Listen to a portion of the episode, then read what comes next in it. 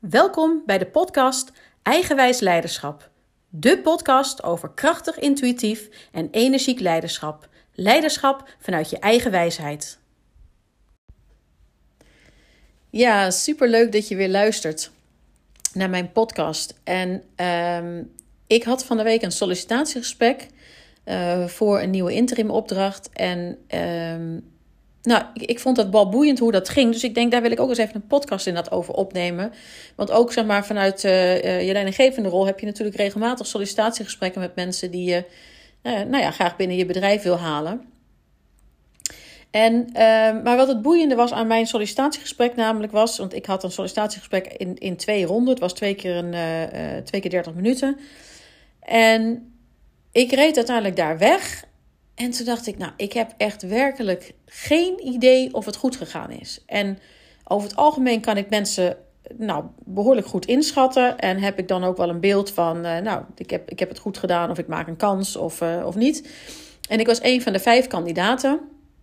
Maar ik had in dit geval dus echt, nou ja, geen idee. En, uh, en dat vond ik nogal boeiend. Want toen dacht ik later van, ja, maar als ik dus als leidinggevende een sollicitatiegesprek met iemand heb en ik heb uh, en ik ben enthousiast over iemand, dan laat ik dat ook wel blijken. Weet je, het liefst zeg ik dan hartstikke nog tijdens het gesprek van joh, ik vond het een hartstikke leuk gesprek en uh, nou ja, weet je, laten we er in ieder geval even een nachtje over slapen, maar nou, eigenlijk ben ik wel heel erg enthousiast en wil ik je gewoon graag hebben, weet je, bewijs van. En nu was het, nou ja, niets van dat alles, maar uh, en, en misschien uh, want, want uiteindelijk moet het natuurlijk even bijvertellen dat ze een uur later belden ze me: Joh, Monique, we willen je graag hebben. Nou, super tof natuurlijk, maar ik was eigenlijk een beetje verbaasd. En um, kijk, het kan natuurlijk ook met, mee te maken hebben dat je tijdens een sollicitatiegesprek zit je natuurlijk met meerdere, meerdere mensen. Dat zaten zij ook. In het eerste half uur zaten ze met z'n tweeën, in het tweede half uur zelfs met z'n vieren. En dat je misschien wel bij jezelf denkt, nou ja, ik ben wel enthousiast, maar ik weet niet hoe mijn collega's er tegenaan kijken. Um, maar dan nog, weet je, het, het, is misschien ook wel dat met welke collega je het gesprek doet. Maar ik heb altijd inderdaad als leidinggevende, als ik met iemand samen het gesprek deed, weet je, dan kijk je elkaar aan en je weet het eigenlijk wel. En je, je, voelt inderdaad van, nou ja, we zijn enthousiast en laten we maar gelijk doorpakken. Want zo werkt het natuurlijk ook met, uh, met sollicitanten. Je moet wel uh, um, nou, gelijk, gelijk doorpakken als je, als je enthousiast bent. Dus nou, dat, dat vond ik inderdaad wel boeiend. En ik ben dus ook wel benieuwd of jullie daar. Um, en stuur me daar eens eventjes een, een, een persoonlijk berichtje, zeg maar, op, uh, op mijn social media kanalen, zeg maar, op Instagram, op, op Facebook of op LinkedIn. Um, want ik ben gewoon wel nieuwsgierig hoe jullie daarin zitten. Hoe gaan jullie om met inderdaad een sollicitant? Laat je het blijken? Of heb je dus inderdaad bij jezelf zoiets van. Nee, laat ik maar niks laten blijken. Want het, um, nou ja, het, het, uh, het, moet nog spannend blijven. En. Uh, ja, ik denk inderdaad, je, jij wil die kandidaat ook hebben, weet je. Dus, dus het gaat natuurlijk twee kanten op. Die kandidaat moet enthousiast worden over jouw organisatie. En, en, jij moet, en die kandidaat moet ervoor zorgen dat jij enthousiast wordt over hem dus, of haar. Dus het, is, het, is, nou ja, het gaat natuurlijk altijd twee kanten op. En soms wordt dat dus inderdaad vanuit een organisatie ervaren. Ze van, ja, nou ja, die, die sollicitant moet, moet maar laten blijken dat hij hier graag wil werken. Ja, nou ja, misschien zit het ook wel daarin dat het inderdaad... Het werkt wat mij betreft echt inderdaad wel, uh, wel twee kanten op. En het gave vond ik ook wel um, dat uiteindelijk, zeg maar, vroeg ik ook uh, uh, aan degene die, uh, die mij belde van Monique, we willen je graag. Van wat maakt nou dat, je, dat jullie hebben gekozen voor mij? En toen gaf hij aan, ja, weet je, eigenlijk zei hij, ja, was ik, was ik inderdaad, jij kwam binnen met een open en eerlijke, hele fijne energie. En ja, nou, dat, misschien heb je er niks aan, maar dat is eigenlijk ook wel hoe ik werk. En toen dacht ik, ja, dat is wel gaaf, want nou ja, dat is ergens ook hoe ik werk. Maar ik denk dat dat is hoe heel veel mensen werken. En vervolgens ga je dan um, er allemaal dingen bij motiveren, zeg maar, over waarom het een goede kandidaat is.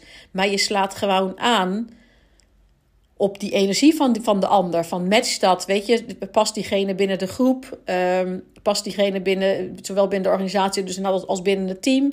Kan, kan je er zelf mee samenwerken. Um, en dat gaat dus helemaal niet over, is iemand capabel, heeft hij de, de, de, juiste papiertjes of uh, uh, zie je de juiste eigenschappen.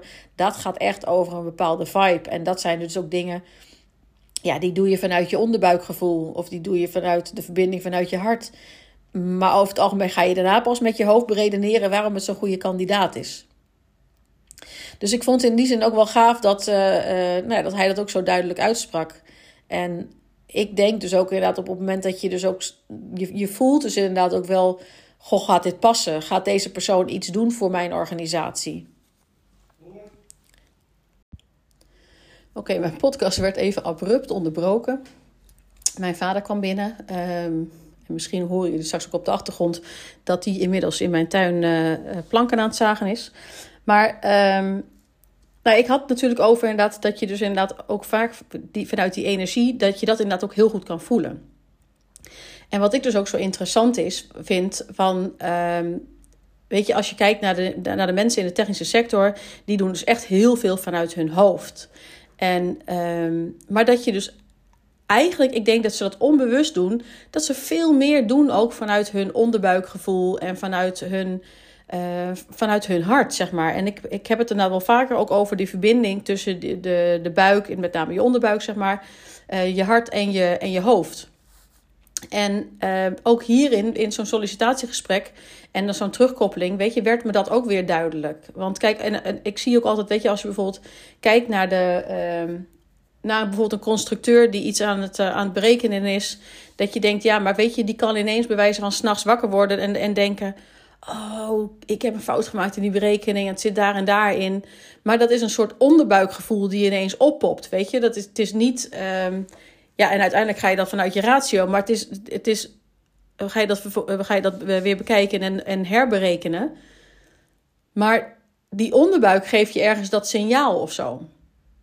Dus ik vind het ook inderdaad interessant om juist ook inderdaad leidinggeven in een technische sector ook te laten leren luisteren naar gewoon hun hele lijf. En meer uit, uit dat hoofd te gaan en meer naar de rest van dat lijf te luisteren. En dat lukt, lukt echt alleen maar als je een stukje, als je veel meer ook inderdaad stilstaat en ook veel meer even, nou ja, uh, bij jezelf is nagaat van, goh, uh, weet je, wat gebeurt er nou eigenlijk in mijn lijf? En uh, wanneer, wat voel ik eigenlijk in mijn lijf? En zeker op het moment dat je het voelt, dat je gaat leren om ook daar eerder naar te acteren. Want ik weet van mezelf ook wel dat ik in het begin, dan had ik een overleg gehad en daar had ik een heel naar gevoel bij en dan was ik, het, was ik dus inmiddels uit het overleg. En een uur later dacht ik, ah oh shit, ik had dat en dat moeten zeggen. Weet je, dus, want ja, die onderbuik had dat signaal al lang afgegeven, maar ik heb het op dat moment niet benoemd. En tegenwoordig kan ik veel makkelijker in het moment ook uh, woorden geven, zeg maar, aan het gevoel wat ik dan inderdaad heb. Van joh, weet je, pff, bij wijze van ook inderdaad van, goh, ik krijg hier gewoon buikpijn van als je dit zegt. Of, uh, uh, nou, ik merk dat ik hier echt even last van heb, dat je, uh, dat je op, op die manier reageert. Weet je, en daarmee krijg je ook inderdaad een ander gesprek. Want vaak de ander, die, uh, weet je, je acteert eigenlijk vanuit je eigen triggers, vanuit je eigen pijn. En die kunnen voortkomen vanuit je patronen en vanuit je, uh, vanuit je historie, vanuit je jeugd. Maar dat doet een ander natuurlijk inderdaad ook, weet je. Dus voor je het weet, ga je reageren op elkaars pijn. Nou, dan wordt, je, wordt het niet een leuke gesprek van in ieder geval. Dus uh, um, nou ja, dat maakt dus inderdaad van, goh, leer je eigen lijf ook een beetje kennen, zeg maar. Weet je, en dus niet op de hele plastische manier, maar leer je, uh, leer ervaren wat er in je lijf ook gewoon inderdaad ook, uh, ook gebeurt. En, uh, nou ja, in ieder geval, weet je, dus ook inderdaad terugkomend op, de, op zo'n sollicitatiegesprek. Um, ja, leer ook tijdens zo'n sollicitatiegesprek, want ik heb inderdaad ook wel dat ik tijdens het gesprek ook ervaarde dat ik dacht, goh, hm, ik weet niet hoe die in de wedstrijd zit, zeg maar. En en vaak klopt dat gevoel dan ook wel op het moment dat je het daarna gaat navragen van... Nou, ik had daar wel een gek gevoel bij uh, tijdens, uh, tijdens het gesprek. Oh ja, nou, daar moeten we het nog maar een keer over hebben. Dus dat je denkt, oh ja, dit heb ik ook gewoon weer goed aangevoeld. En dat, dat vind ik wel echt heel tof. Dat je... Nou, dat ik inmiddels heb ik echt in het leren, leren luisteren naar mijn intuïtie. En dat ook, um, nou ja, meer en meer gaan inzetten. En soms is het ook gewoon even slim om het niet op dat moment te zeggen, maar om er op een later moment ook terug te komen. Um, maar dan gaat het meer over inderdaad een, tactisch, uh, tactisch iets. En ook zeker degene één op één aanspreken in plaats van in een groep bijvoorbeeld. Nou ja, dat wilde ik in ieder geval eventjes met jullie delen.